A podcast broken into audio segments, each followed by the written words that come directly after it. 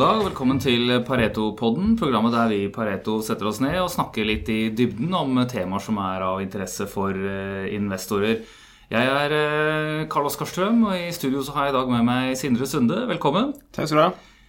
Nå er tiden kommet for oss å snakke litt om sparebanker. Eh, og jeg vet at en del av de som sitter og jobber som trader og den type ting i markedet, de syns jo at sparebanker og disse egenkapitalbevisene det er ekstremt kjedelig. Men jeg har jo også, for den tida jeg har vært i markedet, og det begynner jo å bli noen år nå, rett som det er truffet eh, gode eldre kapitalister, både menn og kvinner, som forbausende ofte har hatt et betydelig innslag av sparebanker i investeringsporteføljen sin. Eh, og eh, det er rett og slett noe som, som rike mennesker ofte har. Og Derfor skal vi nå se litt nærmere på dette her. Hva er det som kjennetegner sparebankene og disse egenkapitalbevisene som da de har notert. Så så da har jeg da med meg en av bankanalytikerne våre. Sindre, hva, hva, hva er en sparebank? Nei, altså det som, fra et, fra et historisk perspektiv, det som skiller en sparebank fra en vanlig forretningsbank, er jo det at en sparebank opprinnelig var en eh, sjøleigende institusjon. da. Ingen eksterne eiere.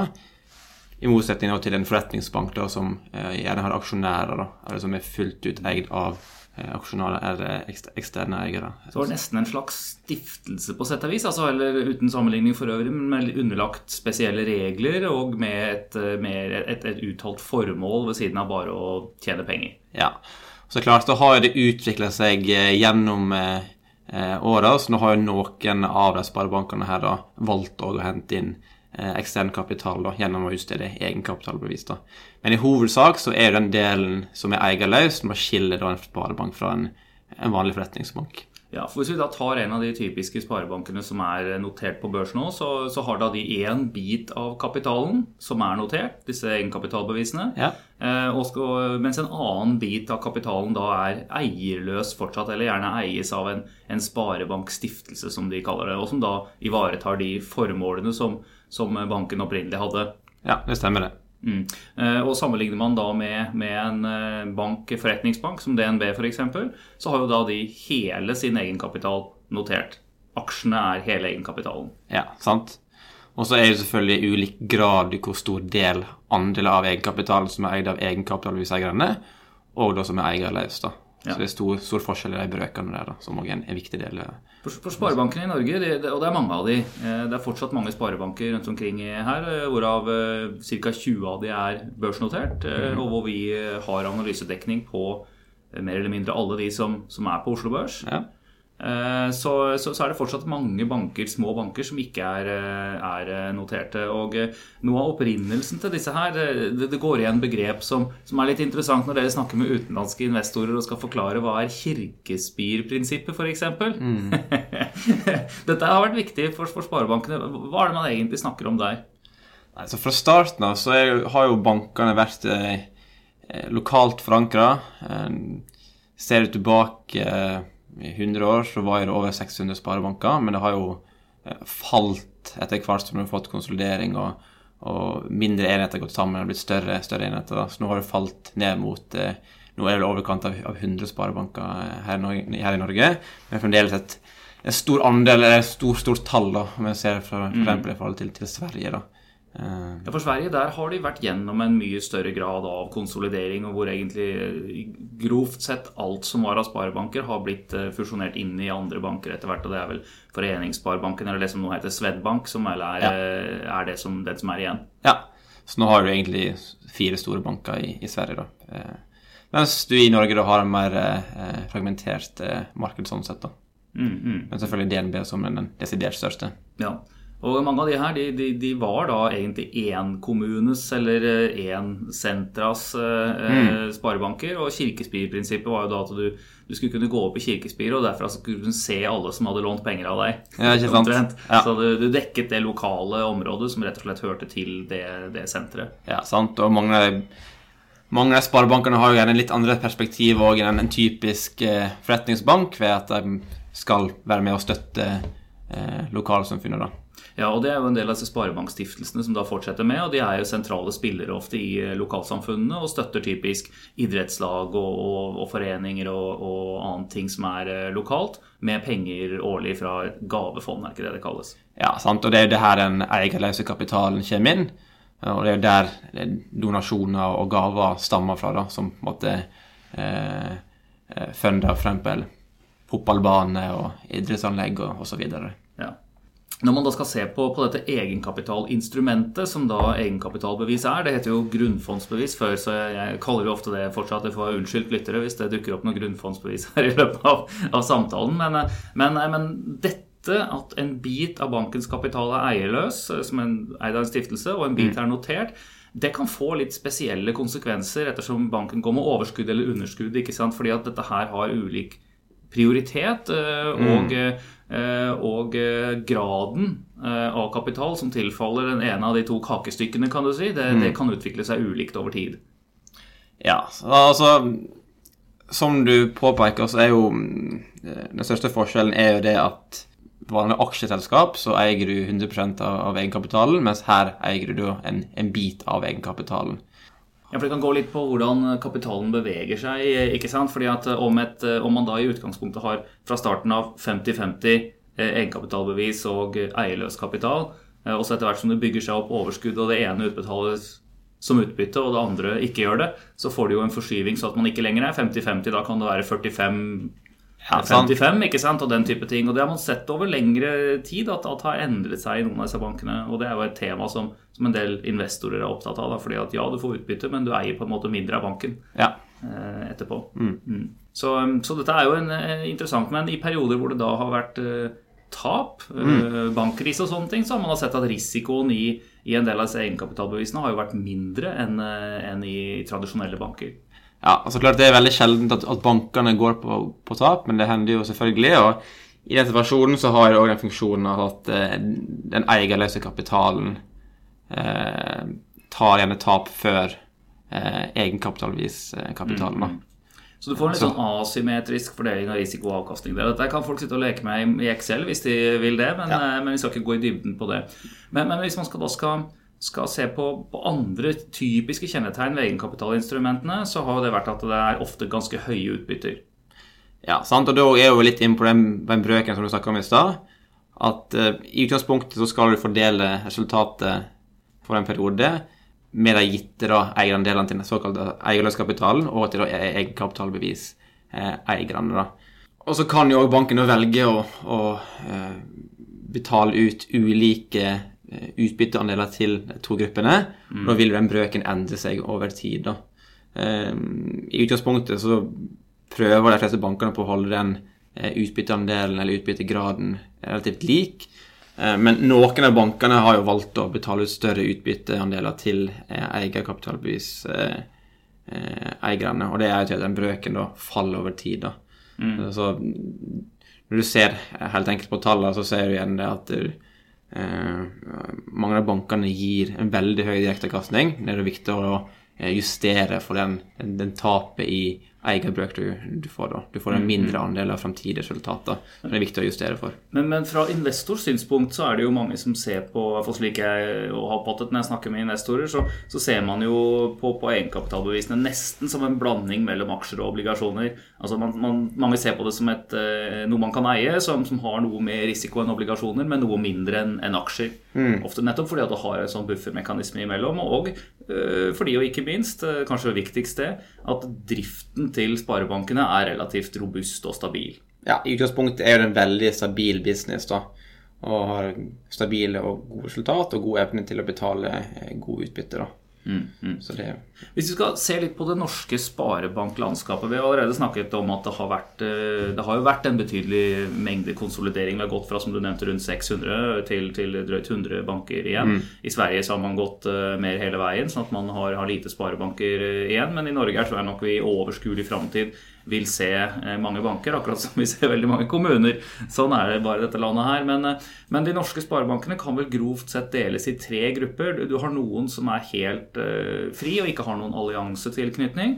Og ja. så har du Sparebank 1-gruppen, som vel ofte har samla de største, uh, iallfall en del av de største sparebankene i landet. Ja. Og så har du Eika-gruppen, som har et større antall medlemmer, men av da typisk mindre banker. Mm. Eh, hva er det disse alliansene gjør sammen?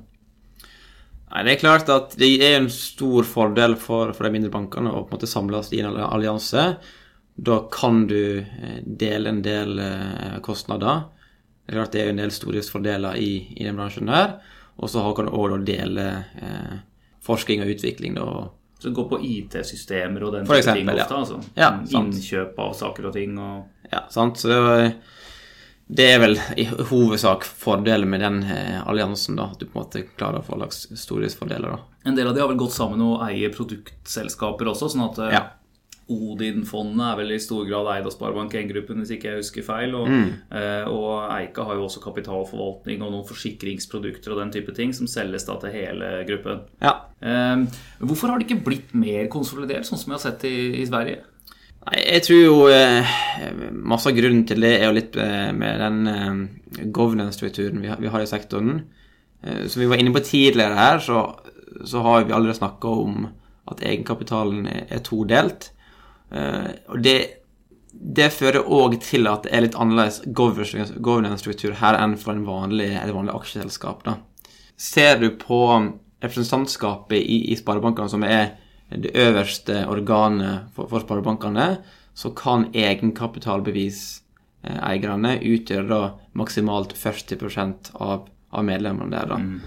Så det fører selvfølgelig til en veldig ja, begrensa innflytelse i forhold til en vanlig, så, så De klassiske kapitalistene liksom, eller, eller aksjonærene de, de, eh, har rett og slett ikke så, så stor makt her. Da, altså, og eh, du får kanskje litt av det samme som hver gang det er snakk om om kommunesammenslåing, så er jo det skal, skal jo administrasjonene i de ulike kommunene uh, utarbeide det der. Og da er det spørsmål hvem, hvem, hvilke ordførere har lyst til å gi seg selv sparken. Ja, så nei, Det blir uten sammenligning for øvrig, men, men, det er klart at det, den type strukturer er, er vanskelig å endre. Ja, du har på mange måter et slags oppkjøpsvern. da. Og det at du òg har eh, representanter som eh, har litt andre perspektiv enn det egenkapitalbeviseierne gjør jo til at bankene har styre og har andre, litt andre perspektiv enn en vanlig mm. eh, forretningsbank eller et vanlig aksjeselskap. Men vi har jo en økende grad av regulering innenfor finanssektoren i mm. Norge. og Hvis man ser dette over noen tidsperspektiver på 10-20 år, og sånne ting, så, så, har det blitt betydelig vanskeligere, tror jeg, både å tilby gode produkter til uh, krevende forbrukere, ja. uh, og å, å, tilfredsstille alle myndighetenes uh, krav. Og, og du har vel sett litt på Eh, de, de eh, grunnfondene, eller egenkapitalbevisene, der kom, der kom grunnfondet, eh, som vi, som vi, dekker, og sett litt på lønnsomhet fordelt utover størrelse. Er det noe mønster der? Ja, vi ser jo helt klart at de mindre bankene sliter med å oppnå samme lønnsomhet som, som de større. Da. Og Det er klart at det er litt sånn som vi var inne på tidligere, at det har jo med, med stordriftsfordeler å gjøre, og det er vanskelig å være liten. Mm. Så det kan være en en push for oss å få flere banker sammen rett og slett over tid. Ja, sant. Og i tillegg har jo sett, eh, sett at du har fått en del tøffere kapitalkrav over, over de siste tider, som òg gjør at eh, du har jo fått litt eh, konsolidering, men eh, ja. Mm. Hvordan ser vi for oss at dette landskapet her endrer seg nå? Nå er det jo, nå er det, så vidt jeg har sett i avisen, eh, så er det jo en av de store bankene er nå på vei mot, eller har sagt at de vil gå mot børs i 2017. Mm. Det er Sparebanken Hedmark. Ja. Eh, er den en del av, av Sparebank 1-grupperingen, eller er de helt uh, frie? Ja, den er en del av Sparebank 1-alliansen, da. Mm. Altså, det blir spennende. Vi får, vi får, høre mer om det litt lenger ute i året. Det er alltid interessant når, når større banker kommer på, på, børs, og det blir vel sikkert, uh, ut fra det de har indikert, en av de, en av de større plasseringene på, på, Oslo Børs i, i, år. Så det skal, vi, det skal, vi, få høre mer om når den tiden uh, nærmer seg. Uh, men hvis man nå skal vurdere sektoren her litt fra et sånn finansanalytikersynspunkt, som jo eh, er ditt, eh, ditt utgangspunkt, mm. Eh, hvordan ser du nå på de vi dekker, som jo for så vidt er alle sammen? Er de ferdig kapitalisert? Ja, etter flere år nå med, med kapitalbygging, så ser jeg nå endelig at, at bankene er mer eller mindre fullkapitalisert. Blant de bankene, som vi dekker, så tror vi alle vil klare seg med den kapitalen de har framover. Eh, med unntaket da er det Høland og Setsko Sparebank, der vi på en måte ligger inne med en eh, emisjon i løpet av 2017. Da. Eh, utenom Høland og Setskog så tror vi alle vil, vil klare seg framover. Og det har jo vært, det har jo vært en, en, betydelig oppgang for, for mm. sparebank kursene rett og slett på egenkapitalbevisene har gått mye, eller i hvert fall en del av de har gått mye i løpet av de siste månedene. Eh, og jeg ser her i siste analyse vi har, det, det ligger en analyse på, på paretosek.no. Der er det nettopp publisert en sektoranalyse. Og en av grunnene til at jeg tenkte jeg skulle ta det med i studio her, Norwegian Saving Banks, eh, som, som går på hele, hele sektoren.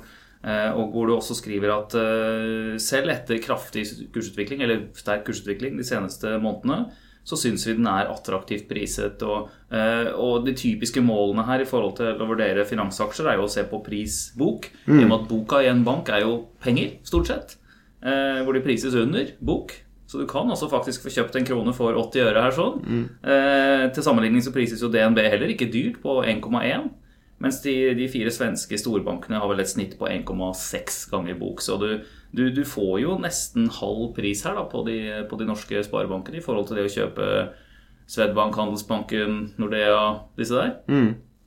Nei, absolutt. Som du sier, så har jo Hvis du ser det fra de siste året, så har jo prisinga på egenkapitalbeviser vært litt prega av at det har vært kapitaloppbygging og sånn sett kutt i utbytter. da. Nå har det kommet seg eh, ganske bra opp den siste tida, eh, med at det har, har nådd eh, kapitalmålet én etter én.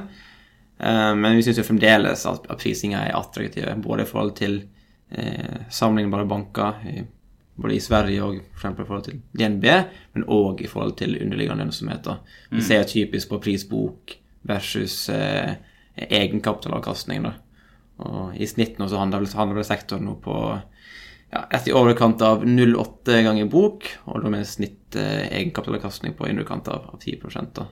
Det er flere større regionale banker her. sånn, altså Du har typisk i Stavanger-området. Der har vi SR-Bank, Sparebanken Rogaland, som det het i, i, gamle dager. vel. Eh, du har Midt-Norge, du har Nord-Norge, eh, du har da Hedmark på Innlandet. Du har eh, Toten Sparebank, eh, faktisk. Og Sparebanken Ringerike Hadeland. Begge er børsnoterte fra mitt, eh, mine hjemmeområder mm. i sin tid. Du har Øst, du har noen Oslo-banker her. Ja, Sparebanken Hedmark kjøpte vel en av de Oslo-bankene. Så det er jo konsolideringer underveis her. Men mm. hvis du skal trekke fram noen, noen, gode kjøp, da, hva er det som liksom er øverst på lista vår nå? Ja, vi har jo hatt Sparebanken SR Bank som vårt topic over lengre tid, og har jo den i som topic eh, fremdeles. I tillegg til eh, den nedgangen vi har fått i forhold til kapitaloppbygging, så har det òg vært litt fokus på bankens oljeeksponeringer. Ja, for da, Det har man sett på flere av kan du kalle det kystbankene, egentlig. At de har, det har vært spørsmål fra norske og utenlandske investorer på oljeeksponeringen, og ikke minst den kan du si, annenrundeeffekten det får inn i lokalmiljøene. Med at folk, hvis de mister jobben sin i oljeindustrien, så kan huslån og den type ting være problemtale også. ikke sant? Men, men eh, vårt syn er vel nå at dette her ser eh, bedre ut for disse bankene? Ja, sånn som for SR Bank sin del nå, så er det egentlig så å si ferdig med, med kapitaloppbygginga. Og ja, fra, fra et sånn tapsperspektiv så mener vi at vi har satt markedet priser inn, inn for høye tap eh, framover. Vi, eh, vi har et kursmål på, eh, på 80 kroner, som er vel i overkant av 20 oppside fra, fra dagens, eh, dagens, kurs. Da. Og, og, kursmålet vårt på 80 kroner tilsvarer også relativt moderat eh, prisbok eh, eh på rett i overkant av 1. Da. Mm. Og ligger inne med en egenkapitalavkastning på overkant av 10 Der ligger vi inne med en del høyere enn tap enn det som er, eh, er normalt gjennom en, en sykkel. da. Eh, ser du på mer normalisert egenkapitalavkastning for, for SR Bank, så ligger den opp mot 11-12 da.